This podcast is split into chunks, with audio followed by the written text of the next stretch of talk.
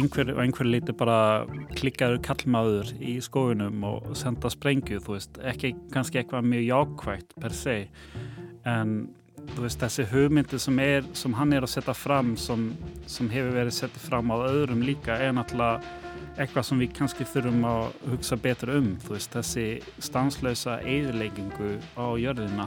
Í músu ættbálkinum sitja ömmur í hásætum fjölskyldna og karlmenn hafa helsta hlutverk að hjálpa til við getnað en halda sér svo fjarrri. Hjónaband þekkist ekki og börnin eru ekki feðruð en búa hjá maðurinn sínum sem meiga eiga jafn marga bólfjöla og þeim sínist. Finnst þér eitthvað munur á áhörðandunum nú til dags og áhörðandum hérna í gamla daga? Já, hefur miklu prúðar í gamla daga.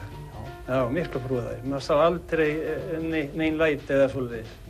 Þú veist, vera meiri æsl núna? Já, miklu meiri. Í lestinni í dag, Júnabómer, maðuravöldi í kynverskum steinaskógi og bíólaust háskólabíó. Ég heiti Lóabjörg Björnstóttir. Og ég heiti Kristján Guðjónsson.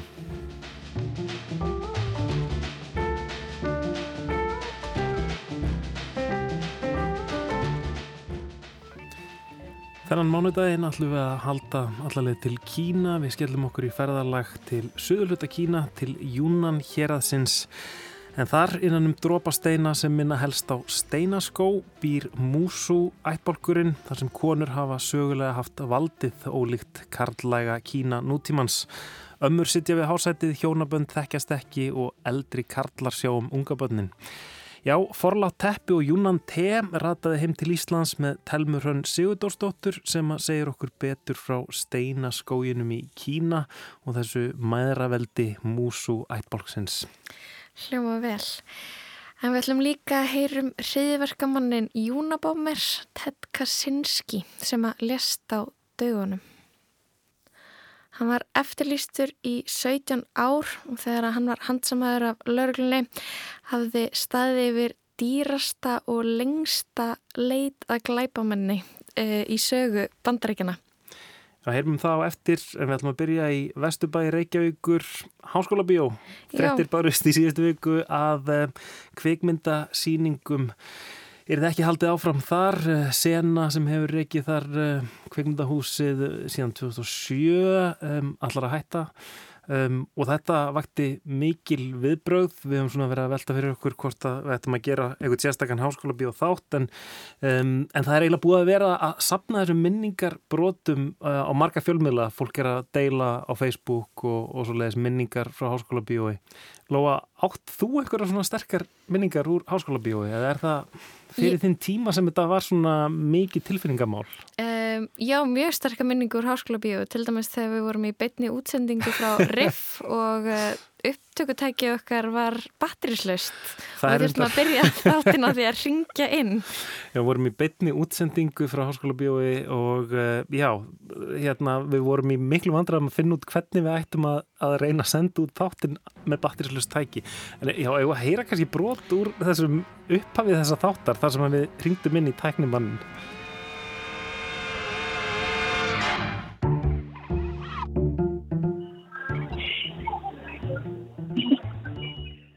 Komið sæl, ágætu hlustendur, lestin er komin að stað 5. daginn 29. september. Ég heiti Kristján Guðjónsson. Ég heiti Lófabjörg Björnstóttir og lestin er núna í dag sendt út í byggni útsendingu frá Háskóla Bíó. Já, einhvern veginn tókst okkur að halda út þessari beinu útsendingu. Hún var endur ekki öll í þessum slæmu hljómgjöðum. Við, við náðum að, að hlaða tækið svona inn á milli. Um, en, um, en ég var að reyfja hvort ég ætti eitthvað svona sterkar minningar e, sko, einn sterkasta minningin mín úr háskóla bíó var þegar ég var ég veit ekki hvað ég var gammal, ég var lítill ég var held ég að fara í fyrst skipti e, einn í bíó á svona vinnum mínum við löppuðum í háskóla bíó með 500 krónur til þess að fara held ég á skóadýrið Hugo og svo komum við í meðsáluna og ætluðum að borga með 500 kallinum en þá var miðaverið búið að hækka? Nei, það var 550 trú... krónur. Ég trúi þess ekki. Og, og við örðum að lappa heim aftur fengum ekki aðgang með 500 kallan okkar uh, en þetta hefur örgulega verið klukkan 1 eða eitthvað svolítið, þannig að við gáttum farið aftur klukkan 3 eða 5, eða í manu við náðum að fara setna saman dag, en þetta var svona hérna, kannski mín minninga háskóla bíó en líka mín svona fyrstu kynni af verðbólgu held ég sko. Þannig að allt í henni áttaði maður að hlutir uh, hluta breyttist En já, uh, Háskóla Bíó, þetta hefur mikið umræðinni hvaða áhrif þetta hefur eitthvað neginn á, á kvikmyndamenninguna. Það hefur verið, uh, húsið var byggt þarna, eða vikti 1961 og hafa verið kvikmyndasýningar alveg síðan. Háskóli Íslands var lengi, lengi vel með bíóið en, en svo hafa sambíóin og sena tekið við. Um, við skulum grípa kannski stuttlega niður í frétt um, sunnukarnar Sigurþórsdóttur á fréttstofu Rúf þar sem hún ræðir við Áskrím Sverrisson, kveikmyndarleikstjóra og reittstjóra Klapptrés um hvaða áhrif þetta hefur á íslenska bíómenningu. Vistu við að þetta verði mikið högg fyrir bíómenningu á Íslandi? Nei, ég held ekki. Sko þetta, þetta er nú bara svona, það sem er að gera þetta bara er að, er að segja bless, reyfi upp ákveðna minningar. Þetta, þetta, þetta var náttúrulega drottning kveikmyndahúsana á Íslandi. Þannig að maður þarf að kveðja hana. Þá býst hann við að íslenskar kvikmyndir verði áfram frumsýndar í háskóla bíói. Það sé þú ákveðin söknuður af sumu. Tjöldin, það er tjöldin sem dragast frá þegar myndin byrjar. Því að þá, þá ertu sko, það er svo tákgrænt, þá ertu að opna fyrir áhörandunum sko leiðin í annan heim. Já, Áskrymur hafði ekkit miklar áhyggjur af þessu. Ég hugsa að þetta séu kannski aðalega núna já, vestubæðingar sem, sem að eru ósattir við að hafa ekki kveikmyndahúsi lengur hverfis bíó hverfis bíó Nei, þess að frétti koma náttúrulega óhefnilegum tíma sko, koma hérna þú veist, við nokkrum dögum eftir að Apple kynir fyrir okkur e, hérna, skíðaglirinn sín þannig að hvað er þá bara framtíðin þannig að við ferum ekki lengur í bíó og horfa saman heldur um heima og horfa á bíómyndir í skíðaglirurum heldur svona frekar e, eitthvað óþægileg framtíða sín. Ég fór aðeins að grúska í, í Kisturúf og, og, hérna, og rakst á mjög skemmtilegt innslag e, frá 1974 það er þá 13 árum eftir að Kveikmyndahúsið er er opnað. Um, þar talar Erlendur Sveinsson við Boga Ó Sigursson, síningamann um, í síningaklefa bíósins. Þetta var í sjómanstættir endar sem heitir Vaka og, og þetta var þá á 50 ára starfsammæli Boga. Við skulum heyra aðeins hvað þessi svona, um, já, gamli vitri bíósíningamæður sæði þarna árið 1974. Við erum stött í síningarklefa Háskóla bíós og reyndar ekki að tilhefnislausu því að sá sem starfar hér sem yfirsýningamadur, Bóji Ó Sigursson, er elsti sýningamadur landsins og heldur upp á halvraraldar starfsamæli í kvöld 7. april 1974. Bóji hefur sínt fyrir háskóla bíó frá upphafi en hann er nú hættur að sína á almennum síningum.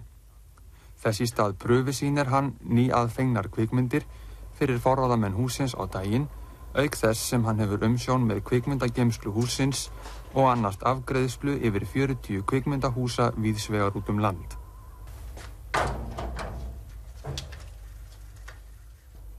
Aðstæðin hérna upp í þessum klefa er alveg skínandi og með stæðstur klefum á Norðurlund. Ég hef ekki komið í marga úti en komið þó nokkur og það er bara smá kéturar, sérstaklega í Ískalandi. Fyrsti klefin í Vestmennu, hann var bara rétt fyrir eina litla vél og, og, og, og síningamannin þessar vila sem hérna er inni það er allt heldur en að var í Tjarnabíó og ég hveit aldrei fyrir og til þess að geta staðið að þessu eins og maður þá ofra ég einni nótt alveg í það að þræða og skipta, þræða og skipta og það kom ekki til mig þegar ég tók við þessu.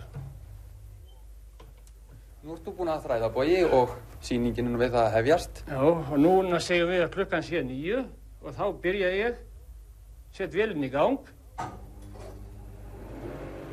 Og, og ljósi frá og svo slekki ég í salnum og leið og ég myndin kemur á tjaldið.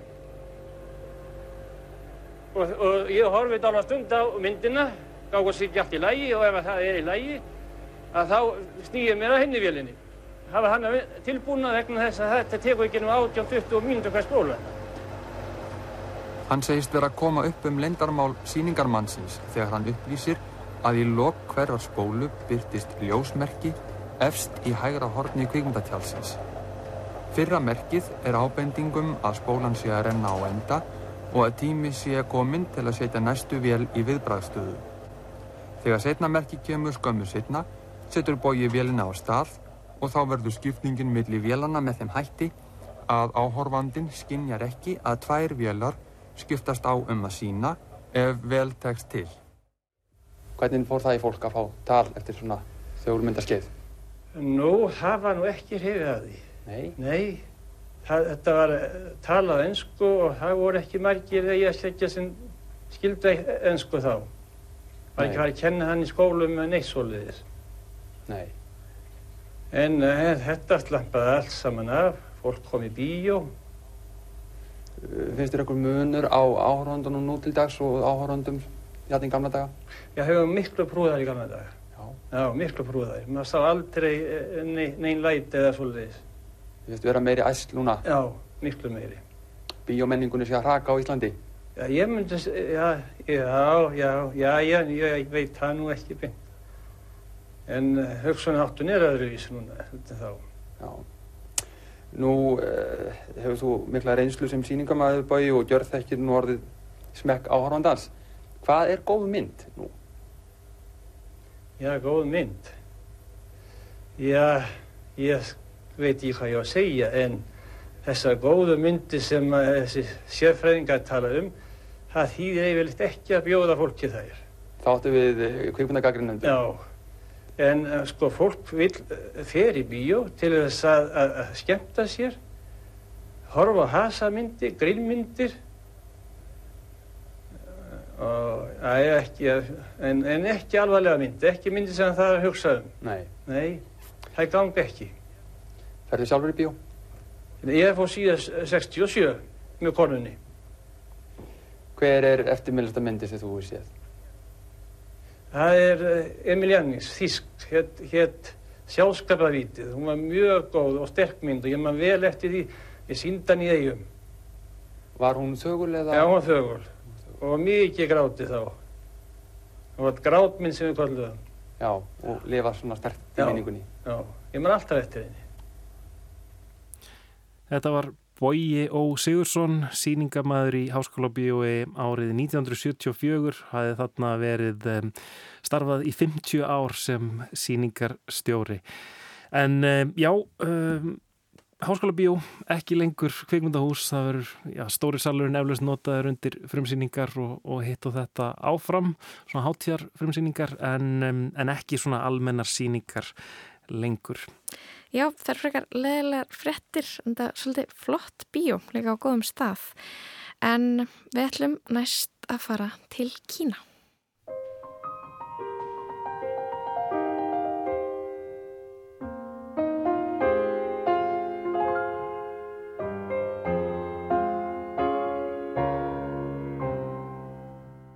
Í söður hluta Kína, nálagt landamærum Vietnam, Laos og Burma, liggur í Júnan hérað. Þar við stöðuvatni Dian búa 6 miljón manns í höfuborginni Kunming. Hún setur á 2050 breytagráðu norður eins og Katar, Bahama-eigur og Alsýr. En þar sem hún er einni í tæplega 2000 metra hæði við sjáfamáli fyrir hittin sjaldan niður fyrir 10 gráður og upp fyrir 20 gráður. Og því kalla kýmirar Kunming borg hins eilífa vors.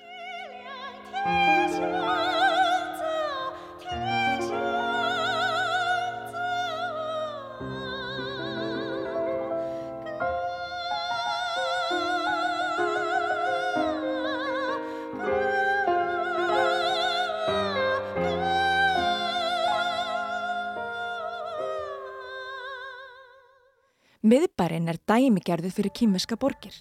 þar sem gildir skíakljúfar með búðum sem selja alþjóðlega merkjafurur kallast á við hrörleg matastræti þar sem hægt er að fá núðlur, kjúklingalappir og steikt tófu fyrir kling. Við díjanvatnið sapnast borgarbúar saman til að sjá stórkostleg sjónaspil þegar fjöldi máfa leita í ostrur í vatninu og í nestisboks ferðamanna. Hið eilifa vor gemur gullfallega náttúru og mannlíf. Heima í stofi hjá mér í Kópavóginum við 64. breyttagráðu liggur forláta teppið frá Júnan hér að því í sófanum. Það er bleikt og ljósblátt, þund en hlýtt og mjúkt.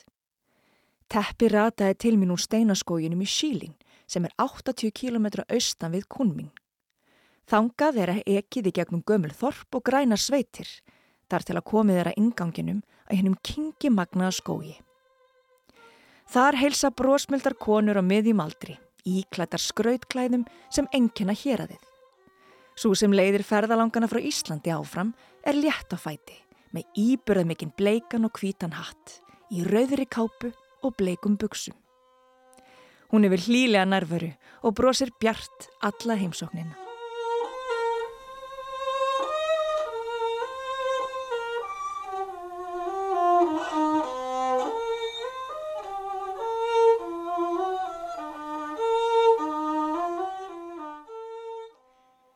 Steinaskóurinn er sannkallað náttúru undur.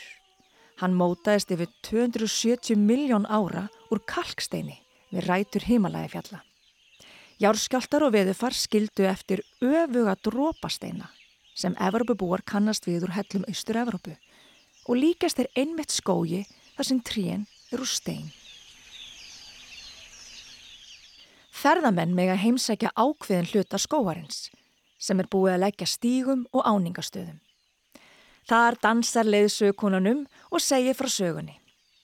Oft er hún tæknileg eins og kynverið með tant, romsar úr sér staðrundum um bergið og staðin á milli þess sem hún hleypu niður að lækjum við rætur steintrjána og upp í topp þar sem við blasir ójarnest landslag. Þetta er undurfallugur staður á sólríkum februar degi og fyrir en varir er hún komin út á sporinu og búin að ljóstra því upp að hún er líka náttúru undur. Undra vera úr steinaskógi. Kína nútímans er karlægt samfélag. Þrýra hverjum fjóru meðlumum og þjóðþingi í landsins er karlmenn. Minniluta hópar hafa einungis 15% sæta og get ekki borið upp við hvað mál eins og ástandið í Xinjiang, Hong Kong eða Tæman. Hann þjóðflokkurinn er langvaldamestur og undir hans stjórn rýsa beinstífir skíakljúvar út um allt Kína. Fjöll og fyrnindi eru klófin að göngum og brúm og náttúranni tekið með valdi. Nema hún sé tákmynd fyrir móður Kína, eins og avatarfjallin í Sangjianjie og steinaskóurinn í Yunnan.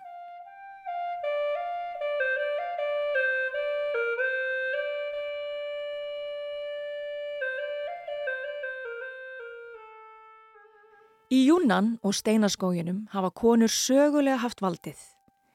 Í Músú ættbálkinum sitja ömmur í hásætum fjölskyldna og karlmenn hafa helsta hlutverk að hjálpa til við getnað en halda sér svo fjarrri. Hjónaband þekkist ekki og börnin eru ekki feðruð en búa hjá maðurum sínum sem meiga eiga jafnmarga bólfjöla og þeim sínist. Stórfjölskyldan sér um að ala upp börnin. Konur erfa lönd og egnir sá akra og sjá um heimilið.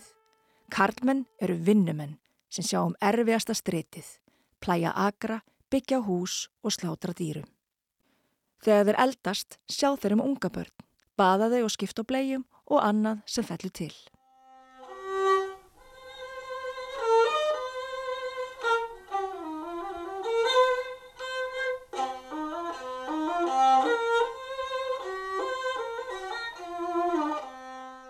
Þar sem hjónaband þekkist ekki geta elskugar átt stutt sambönd og haldi svo í mismunandi áttir. En ef þeim líkar vel við hvort annað gæti þeim ennst æfinn saman. En ávalt undir þeim formörkjum að þau séu einstæð en vilja bara vera saman. Er á meðan er. Takmar kvenna í músu ættbólknum er að verða mæður. Ef þeim auðnast að ekki, ætliða þær börn annara. Þetta er stóra mótsögnin í hinnu feminíska undralandi Júnan, að valdefling kvenna skuli leiða þær að sama takmarkinu og í karlægum samfélögum. Væntingar eldri kvenna til þeirra yngri eru miklar og í nútíma Kína eiga yngri konur það til að hafa aðra drauma en formaður sínar. Feminismi er eins og margar rótækar hugmyndir í Kína. Hann liggur eitthvað stæðir í loftinu en það er erfitt að festa honum hendur. Konurnar í Júnan njóta góðsa ferðamennskunni í kringum steinaskógin. Þar keira rútur, reyka gistiheimili og selja veitingar. Hvergi er Karl að sjá við störf, nema farastjóra frá hansvæðum sem kaupa sér leifi af konunum sem ráða.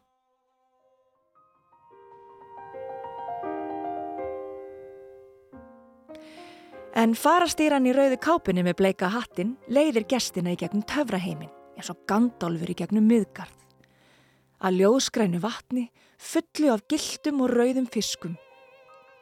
Svo að markastorki þar sem konur selja varning frá héræðinu. Hattar, peysur, bóli og teppi.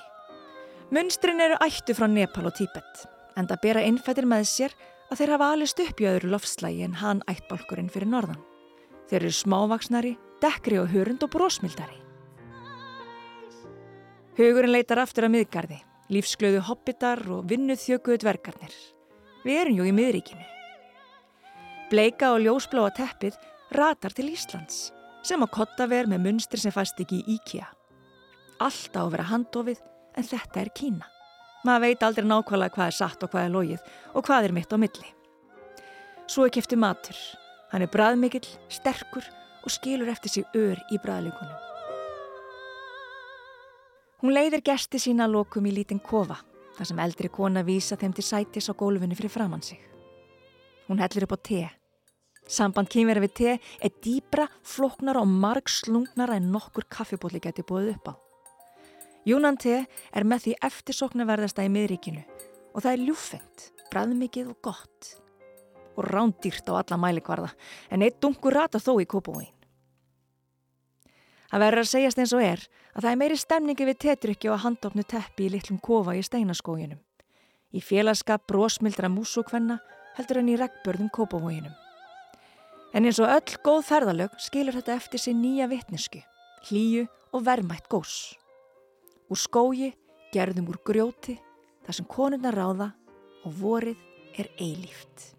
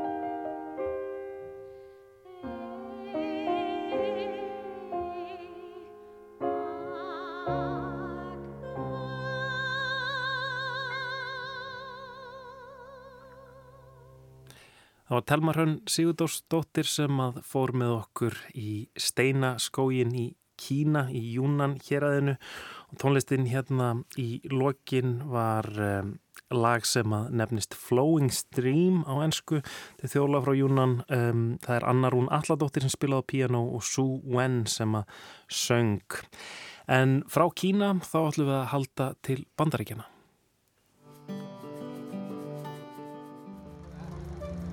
you can't you can't live as a as a free person as a as a member of a large scale system.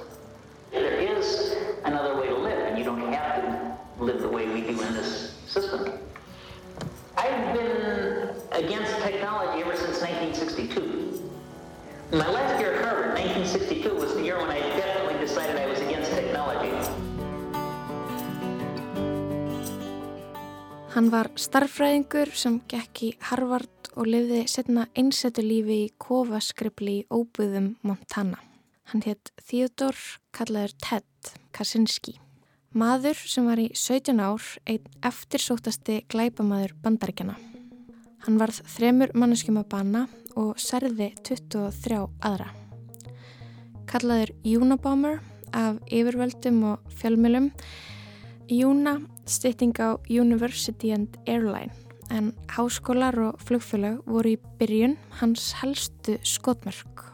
Hann sandi heimagerðar sprengjur á einstaklinga sem hann taldi vera ábyrgt fyrir nútímaveðingu samfélagsins og eyðingu náttúrunar.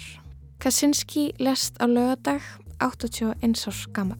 The man known as the Unabomber died while serving four consecutive life sentences decades after his reign of terror gripped the nation. Hann var handsamaður af yfirvöldum þann 3. april 1996 í kofanum sínum í Montana ári eftir hann þvingaði Washington Post og New York Times til þess að byrta stefnu yfirlýsinguna sína manifestóið sitt 35.000 orða stefnuðurlýsing sem bar titilinn Yðin samfélagið og framtíð þess.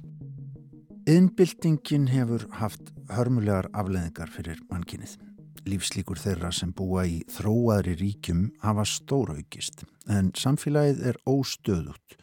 Lífið er ófullnæjandi, manneskur þurfa að þóla nýðurlæging og sálræn þjáning er útbreytt. Einnig líkamleg þjáning í þriðja heimsríkjum. Og náttúran hefur orðið fyrir skada. Ástandið á eftir að vestna með áframhaldandi tækni þróun. Nýðurlæging fólks mun aukast Náttúran verður fyrir meiri skada og meira rof verður í samfélaginu. Sálræn ángist munið öllum líkindum aukast og líkamlegur sársöki einnig, jafnvel í þróaðari ríkjum. Yðntækni kerfið gæti lifað af eða brotnað.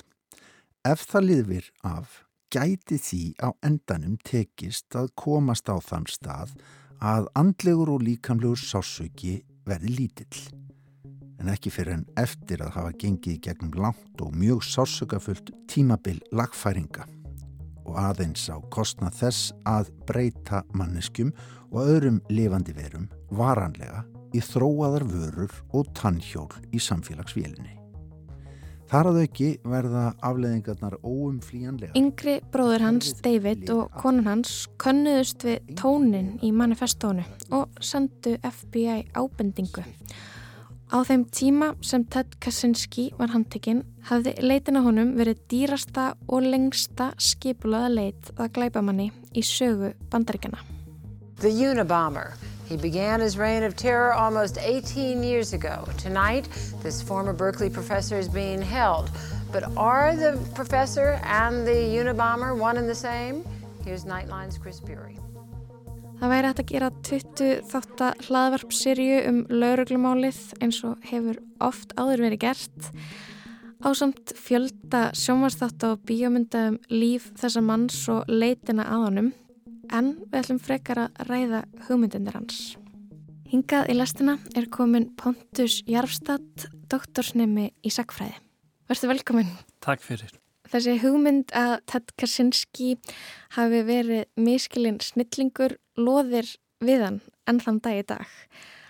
Hann hafi vissulega fengið skólastyrk til þess að gangi í Harvard, var látin sleppa tveimur bekkjum í grunnskóla, hafi verið með þessa rosalega háu grendafísitölu. Já, þrátt fyrir þessi yllvirki, þessi hreyðiverk sem hann framdi, þá ekkert neginn sé um miskilinn snillingar ræða. Hefur þú lesið manifestóðans? Um, já, ég hef lesið manifestóðans og ég man eftir bara mjög, mjög skýrt þegar ég gerði þetta fyrst að ég kom ekki rosalega langt. Þetta byrja bara svona nokkur vel í honum en svo byrjaði hann tala rosalega mikið um vinstri fólk og ég er nú sjálfur svona, svolítið vinstri sinnaður af mér svo ég fekk svolítið svona ógleði frá af því það sem hann skrifaði þar. Þetta byrja bara að vera eitthvað um, svona rand. Já, þetta byrja með svakalega rand sem er rosalega erfitt að tengja við gjörnum hans bara beint mm -hmm. en, en hann er, þú veist, þetta er mannskja sem hefur öruglega farið gegn alls konar og þú veist, mjög, mjög greintur maður fór í, í Harvard-skólanum 16 ára og voru sett í gegn voru, voru, voru sett í gegnum hennar svona sálfræði tilraunum á honum mm -hmm. það sem hann var meira, meira eller minna bara pindaður. Þetta er oft stundum sagt að þetta var partur af hennar MK Ultra hennar um, tilraunum sem MK Ultra var svona clandestine, svona CIA uh, tilraunum á fólk með alls konar výmöfnum og reyna að breyta hugunum á fólk og svona, mm -hmm. svona mind control sem ljómar eins og science fiction en það var svo sagt tilraunum sem voru gerðar á fólk. Og þá hefur það verið sagt að þetta hefði eitthvað árið fáunum að hann hætti í háskólanum út af þessu að því hann átti svona frekjar flott karjar fyrir fram á sig. En hann hefur sjálfur sagt að þetta var ekkit þetta gerði ekkit ild ánum hann var búin ákveða að segja að hætta í háskólanum uh, og, og, og sem sagt hald, og búa í skójunum í kofa og, og búa til sprengjum. En hann er líka bara í það sem hann hefur búin að skrifa hann er líka, líka bara bara greina frá hversu fallegt natúran er og hvernig, hversu vel hann lifði þarna út í skóinum, alveg einn. Uh, og það er mjög svona ölljósa tengingar milli það sem hann upplifaði þar og, og hver hann sendi þessu sprengjur til veist, hann, hann upplifa stóra eh, timpur fyrirtækjum og, og taka niður skóinum og hann upplifa flugvelum fara fyrir ofan segja hann fannst það trublandi og svona og endaði með hann sendi veist sprengjur til eh, til þessum stopnunum og þessum fyrirtækjum og endaði með náttúrulega hann drap þrýr mann sem er náttúrulega mikið vægt og, og og nefna líka, þú veist, þetta endaði mjög illa. En hugmynduna hans hefur svona lengra rætur tilbaka í tímanum og kemur þá frá, getur sagt, primitivisma, þessu hugmynd um að samfélagi okkar í dag er bara búin að fara allt og rætt í þessu teknið þróun uh, og industrialisma, þú veist, hann var að móti innbildingin um, og hann leit á þessum þróun sem eitthvað illt í sjálfan sig. Og það, það sem hann fannst mikilvægast er að, veist, að vera með einhvern anspyrna móti þessi þróun. Og svo hugmyndar hans eftir það þeir voru rosalega svona mótsagnarkendar oft ég hef kannski mest haft áhuga á þessum hugmyndastefnum kringum hann en hann er svolítið sjálfur svona loner þú veist. Einhver, einhver líti bara klikkaður kallmaður í skóinum og senda sprengju þú veist, ekki kannski eitthvað mjög jákvægt per se en þú veist þessi hugmyndi sem, er, sem hann er að setja fram sem, sem hefur verið settið fram á öðrum líka er náttúrulega eitthvað sem við kannski þurfum að hugsa betur um, þú veist, þessi stanslösa eðlengingu á jörðina uh, og þú veist, við fáum vita bara daglega í frettunum um að við segjum að, þú veist, útrýma dýrategundum og við munum líklega ekki geta að lifa venjulega lífi eftir nokkrum árum, þú veist, all, all þessa hamfarar frettir, mm -hmm. en samt sjáum við, þú veist, enga breytingu og þú veist, það hefur verið alls konar svona rótækja hugmyndir um, um hverju stefnu sem hefur verið svolítið bælda niður og þú veist, að sjálfsög Ted Kaczynski, hann draf þrýri manns, þú veist, það er bara hann á ekki, mann á náttúrulega ekki drepa fólk, þú veist, þetta er bara svona freka sjálfsagt, en samt, þú veist, hugmyndina bak við hreyfingar sem, þú veist, sem hann tekur þá árið frá eða sem tekur árið á honum er að setja fram, þú veist, kannski pælingar sem við þurfum að hugsa betur út í stundum. Þetta er mjög flókið af því, þú veist, helst vil mann alltaf ekki bara nefna hans nafni af því mann vil freka tala um eitthvað annað. Tala kannski um primitivisma eða græna anarkisma eða eitthvað svona. Samt þarf mann að taka afstöðu á hún og þú veist, alveg eins og hver sem er sem kallar það kommunisti svo einstakling þarf, þú veist, einhverju liti taka afstöðu með að móti Stalin. þú veist, þetta er svona svipað hvaða svona merkingu heldur að hann hafi fyrir eh, umhverfisvendasinnum í dag? Uh, erfitt að segja. Ég, hann, er, hann er með eitthvað svona legendary status og það er marga mismunandi hreyfingar sem er búin að reyna að tilinga sér honum. Ekki bara þá þessi græna anarkista, líka uh, hreyfingu sem kallar sig svona eco-fascists sem er svona grænir fasistar sem ljó, ljóma svolítið skríti bara þetta er skríti, þess vegna ljóma þetta skríti uh, eh, en hann hefur þá stansleust verið að gaggrína báða þessar hreyfingar og fjarlagt seg frá þeim. Svo hann er musmunandi mannskur hefur reynd að tilengja svo honum en hann hefur stanslust verið að íta þeim með burstu þú veist, fyrst og fremst þá er hann að móti teknuþróun, þú veist, teknin sjálfa, í sjálfansi, að móti yðinbildingin og vil bara, vil bara fara tilbaki til samfélagi þar sem þessum hlutum er ekki til lengur. Mm -hmm. uh, allt annað er bara secondary fyrir honum, þú veist. Þess vegna, þú veist, gaggrínin hann á fasisma, þessi ekofasisma er til dæmis að, þú veist, það er ekki hægt að hafa kynþáttahyggju að því við þurfum að sameinast í baróttuna móti tækninni og við getum ekki gert það með kynþáttahyggju. Einmitt, já, við, við hefum ekki tíma til að tala um neina önnur baráttumál út af því við þurfum að tala um. Einmitt, einmitt ok.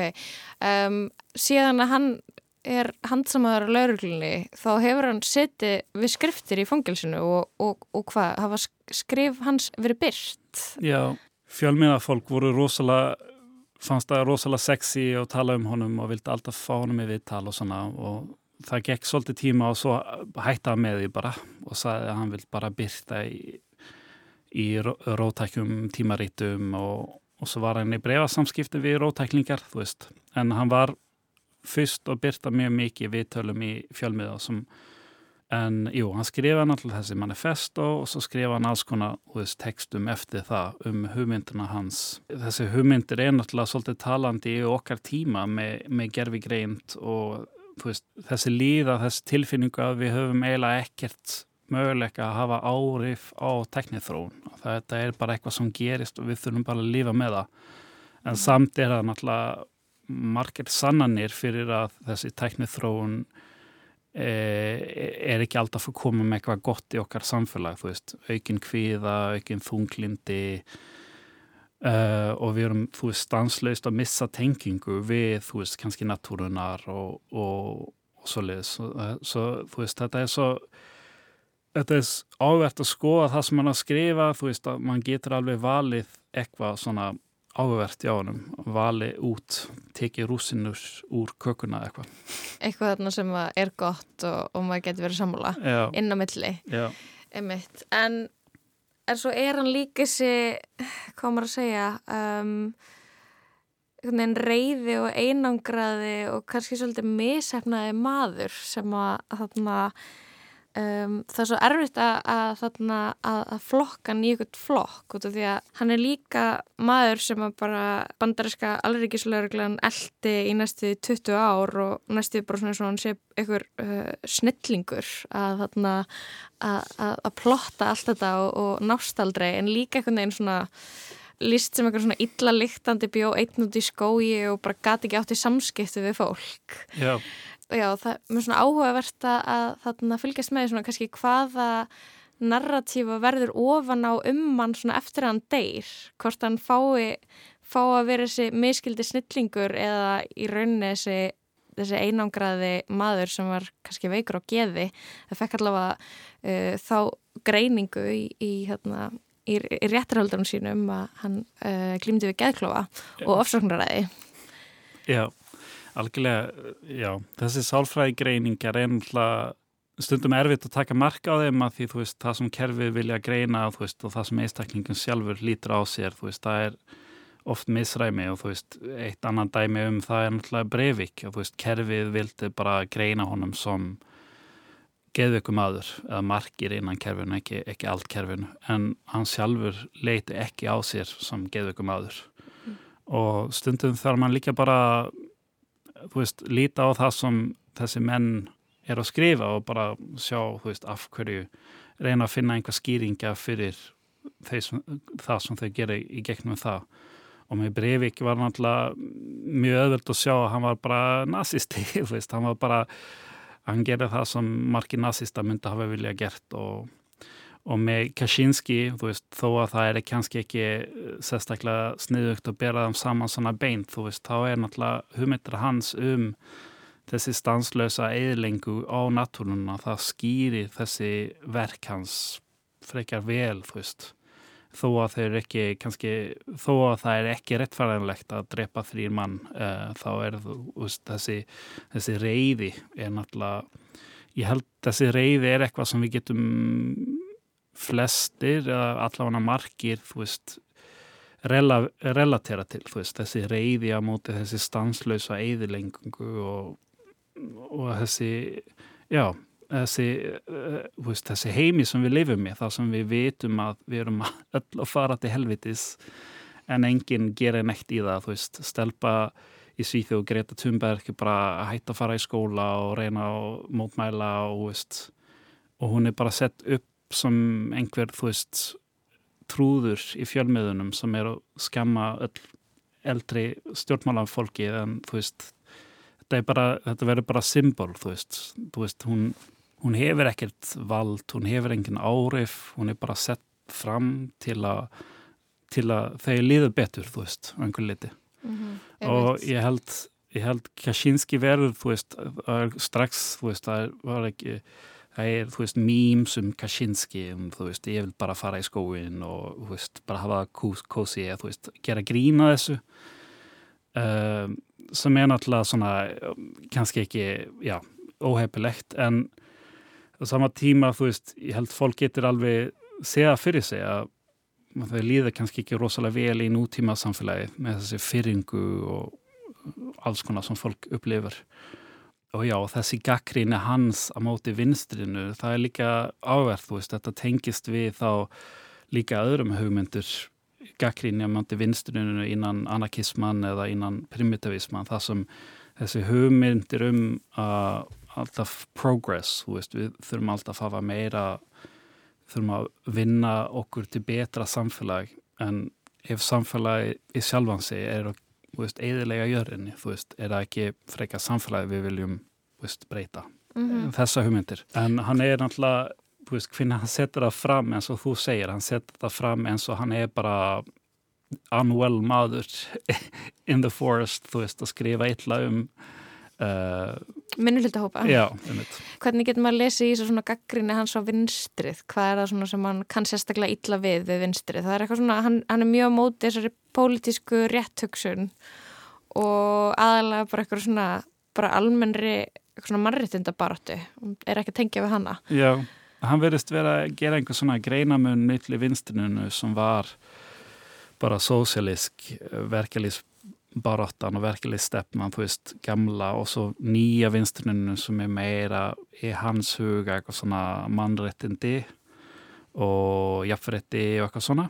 Og svona equal opportunity eða svona meira kannski svona frálshyggju vinstri, þú veist að máli er ekki að við erum með stófæritæki sem er á eðilega jörni, máli er að yfirmenn í stófæritæki það er ekki nóg konu, þú veist, þú veist þessa pælingar, hann myndi þá segja, já ok, máli er að við erum við stórfyrirtæki sem er eiginlega jörn. Við þurfum fyrst og þú veist, losna okkur við stórfyrirtæki, losna okkur við innbildingin og eitthvað svona.